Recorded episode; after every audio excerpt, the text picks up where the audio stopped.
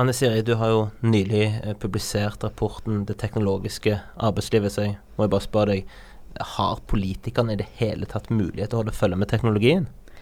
De har kanskje ikke det, men jeg syns jo uansett at de burde prøve. Liberal halvtime. En podkast fra tankesmien Civita.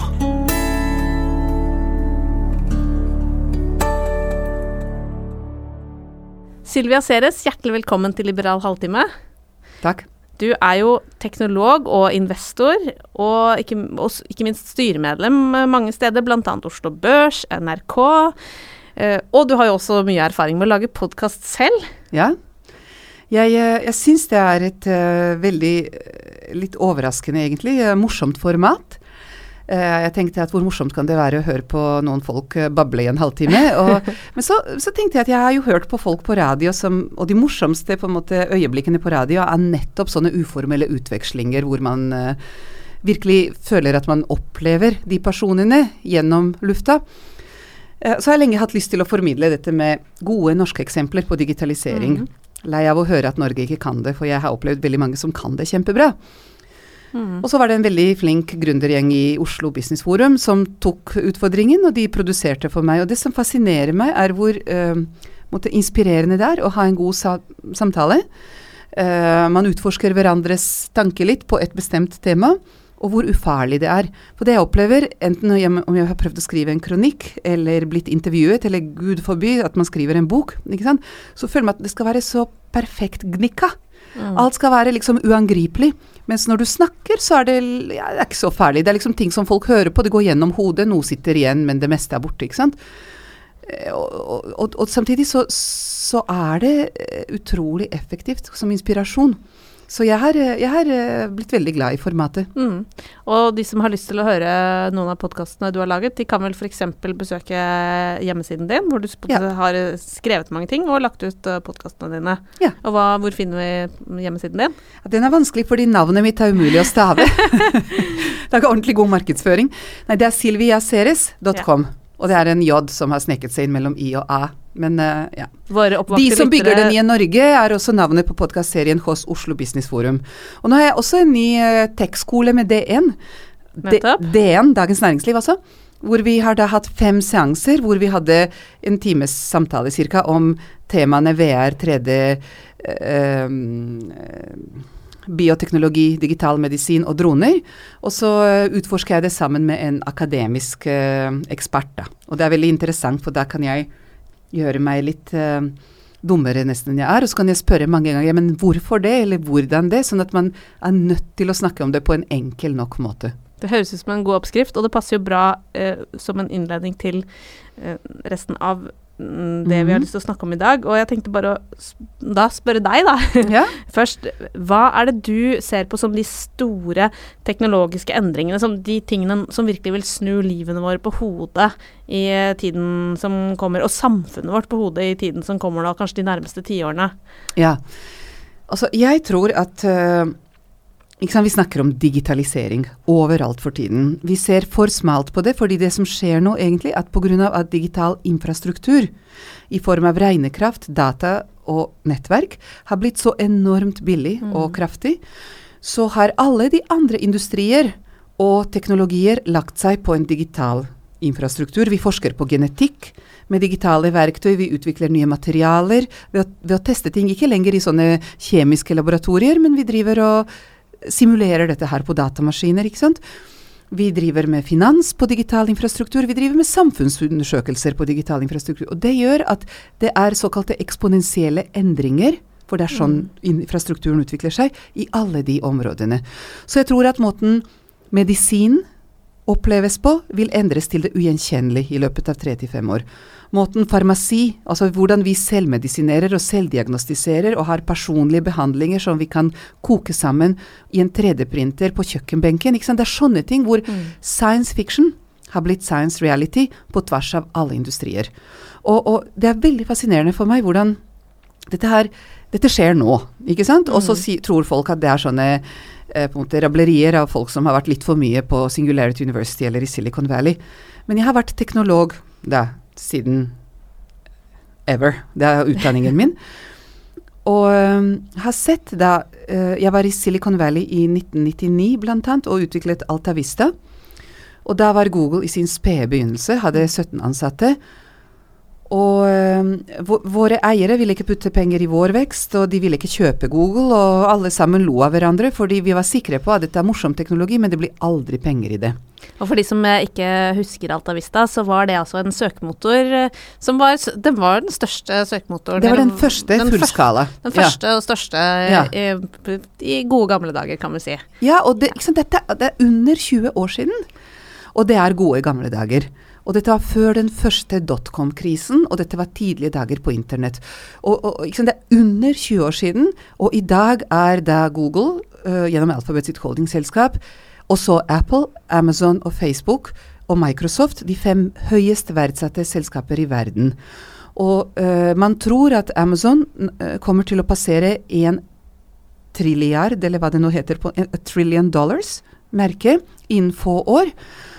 Og liksom De verdiene har man aldri sett før. Og så kan man lure på hvorfor i all verden det? Jo, det er nettopp fordi disse selskapene som sitter på våre data, går inn i alle industrier, og de skal revolusjonere hvordan vi gjør helse, og hvordan vi transporteres, og hvordan energisystemene virker, og hvordan finans virker. Mm. Så jeg tror at uh, vi går i en fullstendig datastyrt verden, og de store spørsmålene blir ikke uh, hva som kan optimaliseres enda ytterligere, for jeg tror vi ser altfor mekanisk både på menneske og på samfunn, mm. men hva er menneskenes rolle i dette her? Og hva er det utrolig viktige på en måte samfunnsmessige som ikke vi må Altså, det må ikke være babyen som kastes ut med badevannet når alt blir så innmari automatisert. For det er jo det veldig mange uh, går rundt og lurer på, er jo selvfølgelig om vi mennesker er i ferd med å bli overflødige, eller om vi kommer til å bli overflødige om kort tid, fordi maskinene rett og slett kan, kan gjøre alt vi gjør, og overta, overta alle oppgavene våre.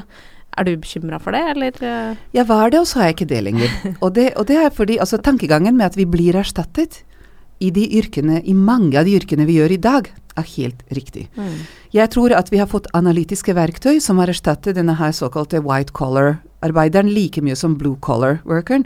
Altså maskinene som kan brukes bedre i fabrikker enn mennesker til å utføre alle de farlige og kjedelige jobbene som vi likte å snakke om, men også etter hvert en del veldig intellektuelle ekspertjobber, mm. sånn som kirurgi, journalistikk, finanstrading, eh, og egentlig alt hvor du må følge en oppskrift, en prosess, kan automatiseres, for datamaskiner kan ha mer data på tvers av mye mer dimensjoner enn det vi mennesker klarer å ta til oss.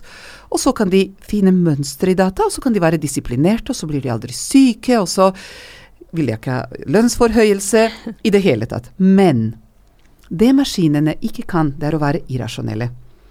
Og jo mer jeg har tenkt på ja, men hva er det som er våre virkelige menneskelige superkrefter, så tror jeg det er to ting. Det ene er kreativitet, som jeg tror er grunnleggende rebelsk og irrasjonell. Hvis du tenker på hvordan Si Einstein kom på sin eh, relativitetsteori, eller spesialrelativitetsteori. Han forestilte seg selv å sitte på en foton, og lurte på om han kunne se dette her i, i, i, i speil, speilet. Og en sånn uh, tankeeksperiment er altfor ulogisk til mm. at jeg tror at uh, selv de smarte selvlærende AI-systemene ville begynt å liksom tenke så crazy. Det minner meg om et uh, sitat som uh, Det var Gari Kasparov som dro det frem i et frokostmøte mm. vi nylig arrangerte med han. Uh, så trakk han frem et sitat av Picasso, som visstnok har sagt at Machines, they're useless. They can only give you answers. Ja. Og det er kanskje noe med det at ja, de er helt fantastiske til å, til å gi oss svar og behandle enorme datamengder, men det er noe med den derre der evnen til å bare tenke helt Og stille spørsmål. Ja, jeg tror spørsmål. at vår evne til å tenke kreativt og rebelsk, altså ikke respektere regler, er kjempeviktig. Uh, og så prøver man å gjøre dette i maskiner med fuzzy logic og diverse, men, men jeg tror at det er noen intuisjoner som er bygget inn i våre følelser, som er bygget inn i vår, vårt behov for å overleve og leve et lykkelig liv, som avhenger av en eller annen veldig menneskelig tolkning av mening. Det andre er det Gari Kasparov sier, og det er at maskiner gir svar men vi mennesker kan stille spørsmål. Mm. Og det å stille de riktige og viktige spørsmål tror jeg blir kjempeviktig for oss mm. mennesker. Så én ting jeg tror i fremtiden er at gamle jobber forsvinner. Men vi må skape de nye jobbene som kommer. Og de nye jobbene dreier seg mer om å tolke verden enn å kunne presist besvare verden. Det skal vi bruke maskinene til, men vi må Og vår tolkning har med våre verdier å gjøre. Og det kan du ikke automatisere, og i hvert fall ikke globalisere. Og der er mitt problem da med Silicon Valley og etter hvert Kina. ikke sant? For hvis alle våre teknologier baserer seg på noe som noen i Silicon Valley har laget, så er det deres verdier som er bakt inn i dette her, helt implisitt og ubevisst. Og de har helt enorme uintenderte konsekvenser for vårt samfunn, og dette er politikk. Hvis noen nå lurer på hvorfor det er jeg som stiller alle spørsmålene i dag, og, og Eirik Løkke er bemerkelsesverdig stille, så er det fordi han er en så moderne mann at han uh, måtte gå ut og ta seg av uh, lille Sofie på seks måneder. Uh, men det var ellers Det har noe med verdier i Norge å gjøre? Det har noe med verdier i Norge å gjøre, så det passer veldig godt til å Fordi det, det jeg lurte på da, var at Var det neste spørsmålet, for å følge opp det hvor klarer vi å skape disse nye jobbene i Norge? Og klarer vi å få den veksten her, eller forsvinner alt ut av landet? Eh, og hva, hva, må vi eventuelt ja, gjøre for å få jeg, det til? Ja, jeg tror det er flere ting her. Altså, det første er å innse nødvendigheten. For jeg tror vi altfor passivt legger oss på forbrukerlinje på teknologier som lages andre steder. Og jeg tror at vår, min greie er at vi er nødt til å satse blant våre store bedrifter og offentlig eide store selskaper på norskskapt teknologi. Vi har verdens beste og billigste teknologer som er utrolig gode på prosessteknologi. På vanskelige omgivelser. Det er det sånn mm. det er i Norge. På olje, på vannkraft, på aluminium, på gjødsel. Og dette gjør vi i laks, og dette gjør vi nå i shipping. Og jeg tror dette kan vi gjøre også i helse og offentlige tjenester og velferd, og det er masse områder. Men da må vi være litt mer bevisste på hvorfor det er nødvendig, og det er nødvendig fordi jeg tror at de som lager disse teknologiene, kommer til å lage regler som teknologiene følger. I AI så snakker man om goal alignment. Du må sette dette her AI, artificial intelligence-verktøyet ditt, på et mål. Og disse Silicon Valley-gutta sier at ja, men nå gjør, løser vi alle verdens problemer. Evig helse til alle, evig vann, evig energi. Alt fiksa. Aldri mer sult, krig eller sykdom. Ja, det er liksom sikkert effektiviserende, men etter hvilke prinsipper? Mm. Hvilke år skal spares for at noen andre år skal kunne liksom forsvinne? For det er prioriteringer her i livet, det har vi lært. Og det fins ikke globalt aksepterte regler for dette her. Det vet alle politikere, og alle kriger dreier seg om at vi tror at våre regler er bedre enn andres. Og der er det utrolig viktig at det er våre regler som bakes inn i teknologi som brukes på norsk jord. Og dette er algoritmer, og dette er måten ting implementeres på, som etterpå kommer til å styre vårt samfunn. Jeg har lyst til å dra inn et annet sitat. Mm. I dette tilfellet av Churchill, som sa at først bygger vi våre hus, og så bygger de oss. Og når teknologien kjører, kjører samfunnet etter hvert, så må vi være veldig forsiktige med hvilken teknologi vi bygger og bruker. Og derfor er dette politikk. Det andre jeg vil si her, er at de som lager disse teknologiene, kommer til å uh, samle data. Og data kommer til å være et sentralt punkt i fremtidig teknologi. De som kan våre helsedata, kommer til å ja, tilby oss mye mer effektive helsetjenester enn alle de andre, og personalisert kreftmedisin og måte til å predikere ting osv. Google har åpnet Design Your Health-kontorer, og Amazon har satset på helsetjenester sammen med JP Morgan Chase og Berkshire Hathaway for sine ansatte. Mm.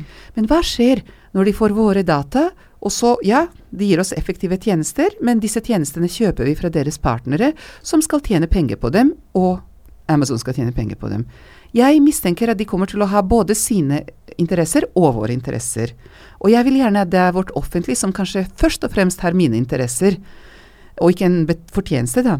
Og, og derfor er det utrolig viktig at disse dataene både forblir hos våre norske aktører, som vi faktisk har tillit til, aldri skal bruke dem mot oss.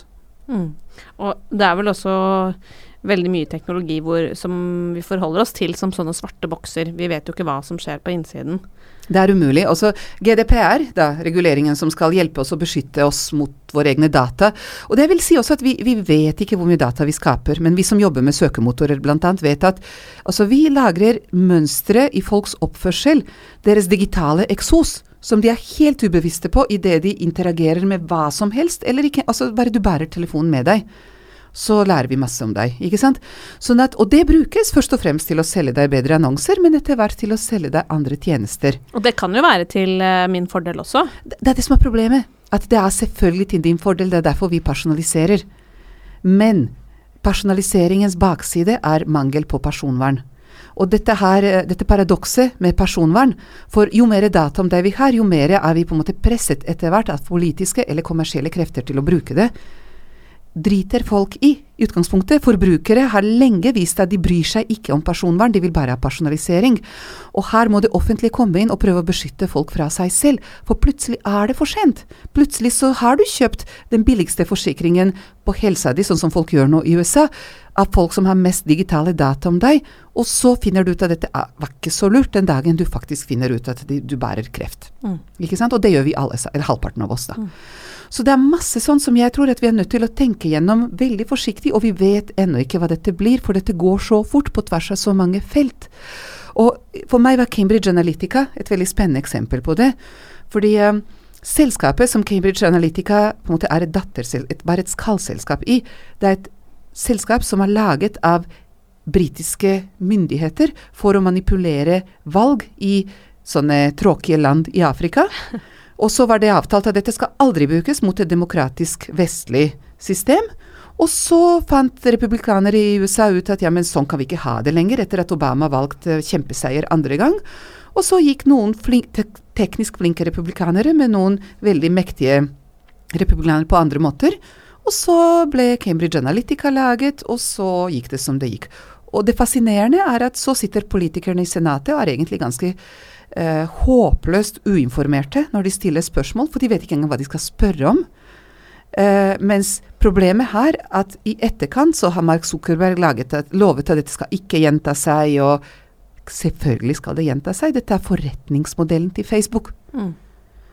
Og, Men, og, og liksom, hvordan lager vi politikk da, som beskytter oss mot sånt? Ja, Hvordan gjør vi egentlig det? Hva, hvor skal man begynne? Hva er det politikerne, Hvordan skal man ta tak i disse Først og fremst mener jeg at politikere må lære seg litt om teknologi og kan ikke lenger si at nei, jeg er samfunnsviter, eller nei, og derfor så trenger jeg ikke kunne dette her. For jeg tror vi alle trenger grunnleggende teknisk på en måte, eh, hva heter det, literacy, altså mm. kyndighet. Studiekompetanse. og, og, det kan man ha på bløffenivå, men man må i hvert fall vite hva en blokkjede er, sånn at det ikke høres noe grusomt ut. Jo, det er bare en slags Excel-ark som alle ser på hele verden samtidig. ikke sant? Mm. Og så må man forstå et par gode eksempler på hva dette kan gjøre, og så må man begynne å lure på ja, men hva betyr dette her da for finans, eller på, for offentlige leverandørkjeder, eller andre ting. Og så tror jeg at vi er nødt til å tenke ordentlig gjennom data. Fordi når disse fem mest verdifulle selskaper i verden fortsetter å vokse sånn som de gjør, så stjeler de verdier fra norske forbrukere og norsk stat. Fordi vi gir dem våre data gratis, og de betaler ikke skatt mm. på noe av det her der verdiene skapes. Og de kommer til å tjene masse penger på det, fordi, det er derfor de er så høyt verdsatt. For de skal tilby oss tjenester etter hvert som de kan tjene penger på, fordi de forstår oss bedre enn vi forstår oss selv. Så dette her med eierskap av data, bruk av data, samling av data i Norge, kjempeviktig. Og så vil jeg si noe om utdanning generelt. For alle politikere er for utdanning. Altså vis meg en, Det er litt sånn som å finne en politiker som er mot fremtiden, ikke sant. Dårlig politikk. Men du må si hva, hva, du kutter for å skape plass for den nye typen mm. utdanning. Livslang læring må bli noe som vi går fra en sånn type 17. mai-tale eller Nav-greie, til noe som du og jeg gjør 15 minutter hver uke. Vi skal snackse på kunnskap på tvers av filosofi, politikk, teknologi, og mye annet som endres i fremtiden. Hvordan tilrettelegger for det, hvordan strukturerer vi det, hvordan insentiviserer vi på det? Vi kan ikke lenger vente på formalutdanningen, for den holder på å gjøre seg selv irrelevant så treigt som de driver og gjør dette her. Så jeg tror at utdanning, datapolitikk og dette her med evne til å skape attraktive posisjoner i Norge, som gjør at norske selskaper faktisk uh, utvikles, så vi har det er sånn vi skaper kunnskap på tvers av befolkningen i, og kanskje skraper sammen verdiene så de skal bli her. Du, du nevnte jo det at uh, Norge har uh, veldig gode og veldig billige teknologer. Men Samtidig så har vi jo ingen eh, såkalte enhjørninger, altså ja, enkelt sagt eh, teknologiselskaper som har lykkes og vokst seg kjempestore i Norge. Eh, i, I motsetning til Sverige f.eks., som har mange ja. flere sånne selskaper enn oss. Hva tror du det skyldes at vi på en måte ikke greier å få opp disse, nok av disse ordentlige vekstselskapene her i Norge? Men jeg, jeg mener virkelig det er feil. Uh, hvis du ser på selskaper som Telenor og Statkraft og Statoil for den gangs skyld. Altså Vi sier at de ble store og rike fordi vi hadde liksom, overflod av en eller annen naturressurs. Se på Telenor. Altså Vi hadde ikke mer radiobølger i dette landet enn andre land. Og Tormod Hermansen var så sinnssykt modig leder her, som sa at ok, vi er verdens beste på GSM og radioteknologi og en del andre ting, og så ruller vi dette her ut i de umulige landene, og så tjener vi penger på det, før de andre store mobilselskaper tar oss igjen. Og jeg tror at dette med å skjønne at prosessteknologi er også et av disse her måtene du lager enhjørninger på fremover, er mm. kjempeviktig, og Norge er superbra på å lage fantastisk bra prosessteknologi. Og Geir Førre med sine mikrochip og minidroner, eller Opera Software, eller øh, disse her utbrytere som kommer fra Tandberg-systemet, eller det som kom i etterkant av FAST, eller Det fins mange spennende områder. Jeg tror at det vi ikke er gode på i Norge, er å investere nok penger i disse selskapene i en overgangsfase fra en bitte liten håpløs startup mm. til en ordentlig industriell suksess. Og eneste måten å gjøre det på er ikke via såkornfond og Innovasjon Norge, det er å kjøpe tjenester fra dem. Og når du begynner å kjøpe tjenester fra dem, så får de selvtillit og vekstmuligheter, og så går de internasjonalt og blir en verdensstjerne. Og det tror jeg vi har gjort mange ganger, og det kan vi gjøre mange ganger til. Så da, eh, det som eh, kapitaltilgangsutvalget f.eks. holder på med, de har jo kommet med en del forslag til ja, bl.a. nytt såkornfond som skal gå inn uh, i tidligfaseinvesteringer, og, og også gjøre noen endringer i skattesystemet og den typen ting som gjør det enklere å investere. Det er ikke så viktig egentlig som at Jo da, det er viktig, og, og jeg vil ikke ha det på meg blant mine investorvenner, men jeg tror at det som er veldig viktig, er at ja, vi, vi må kanskje prise opsjonene annerledes. Uh, ja, vi må tenke litt på formuesskatt i forhold til disse her uh, nye selskaper, hvor gründerne etter hvert ikke har råd til å eie selskap. Altså, det er en del sånne ting. Vi må gjøre det mer attraktivt for folk å putte penger i teknologi. For hittil har det vært altfor lett. Man kunne vært i koma og tjene penger på eiendom, eller på type oljeservices, ikke sant, eller på shipping, eller akkurat nå i laks. Altså hvor mye avansert teknologi er det? Jo, det er noe, men sammenlignet med mye annet vi gjør. Jeg syns det hadde vært veldig spennende å se at det skulle være litt mindre risiko og litt mer penger å tjene i teknologisatsingene. Mm. Mm. Men hvis du tenker på hva det som gjorde oljeservices til et, eller oljen til et eventyr for Norge Jeg tror at det er ikke det at det var så sinnssykt med olje på sokkelen vår, for det var det i Nigeria også. Vi ble rike fordi vi eksporterte kunnskap og teknologi for å utvinne den oljen på en bærekraftig måte. Ikke sant? Og det har vi gjort, som sagt, i en del områder før, og det tror jeg vi kan gjøre om og om igjen. Og det å satse på ting som er ekstreme effektiviserende, altså disse muliggjørende teknologier, på ting som er relativt nære råvarer, kanskje på en bærekraftig måte fremover, virkelig hjelper folk å tenke riktig når det gjelder klima, miljø osv., så videre, sånn som innovasjonstalen nå driver. Kjempebra. Fordi jeg tror at vi har et ordentlig spennende spill å spille der. Det er veldig lukrativt, også i den digitale verden. For så lenge vi har fysiske kropper, så kommer vi til å trenge ting som er fysisk ressurser prosessert på en smart måte. Og så lenge verden har problemer, så kommer det til å være oppgaver, og de oppgavene kan vi like godt omforme til jobber som vi gjør mer effektivt enn noen andre. Bare helt til slutt, Silvia, så må jeg jo spørre deg, eh, som du som er teknolog, eh, om du er redd for at Altså om du også er litt redd for at disse smarte maskinene og denne fantastiske nye teknologien ikke på et eller annet tidspunkt skal bli smartere enn oss mennesker. Er, har du noen sånn form for eksistensiell angst, eller er du en skikkelig teknologioptimist? Nei, jeg er langsiktig optimist, kortsiktig pessimist. Jeg er alltid redd for om vi jobber fort nok. Men jeg tror det ordner seg alltid på lang sikt. Altså Mennesker er utrolig resilient, og mennesker har en intuitiv forståelse av at vi trenger mening i livene våre. Jeg er ikke redd for å bli erstattet, for jeg vet at jeg tvinger meg selv til å lære. Eneste jeg er redd for, er og jeg tror kanskje barna mine også kommer til å ha jobber og lære. Eneste jeg er redd for, er om de kommer til å leve i en verden som gjør det mulig for dem å være ordentlig lykkelige mennesker. Jeg tror ikke du blir lykkelig med mindre du løser problemer for andre. Og det å på en måte ha lov, et samfunn som skaper jobber hvor du faktisk gjør meningsfulle ting, det tror jeg vi skal virkelig slåss for. Jeg tror at Norge fortsatt er et av de få stedene i verden hvor du kan sørge for at vi har jobber til de fleste, om ikke alle mer eller mindre betalt. Uh, jeg tror at vi kan jobbe på dette med tillit, fellesskap og åpenhet på en helt ny måte. For jeg tror at det å sørge i en polariserende verden, som også polariserer på kunnskap og kapital, og jeg tror at markedsliberalismen deres kommer til å bli utfordret på det, fordi nå er markedene hypereffektive. Så tror jeg at det er Norge som kan omfordele mot en stabil fremtidig lykke, kunne vært kanskje et av de få stedene i verden vi kan fortsatt liksom ha denne kardemommetilværelsen. Og, og, og jeg er litt skremt da, om vi går fort nok og bestemt nok frem til å sørge for at vi bevarer de verdiene vi må ha. Silvia Ceres, jeg skulle ønske vi kunne fortsette å utforske alle disse temaene, men det rekker vi ikke i dag. Men kanskje vi kan gjøre det en annen gang. Tusen hjertelig takk for at du kom til Liberal halvtime. Takk for at jeg fikk være med. Da gjenstår det bare for meg å si at dette var alt vi rakk i dagens sending, i hvert fall nesten. Eh, noen tips helt på slutten. Eh, ta og last ned rapporten Det teknologiske arbeidslivet på civita.no. Der har du også muligheten til å melde deg på nyhetsbrevet til Civita. Der får du mange spennende invitasjoner. Blant annet kan du på civita.no se et frokostmøte vi hadde med Gary Kasparov som da innleder om kunstig intelligens og hvilke utfordringer og muligheter dette bringer i fremtiden. Abonner gjerne på podkasten Liberal halvtime, og hvis du har mulighet til å tipse venner og bekjente, gjerne på sosiale medier, så gjør gjerne det. Gi oss tilbakemeldinger, f.eks. ved å sende meg en e-post på eirik.civita.no. Vi høres.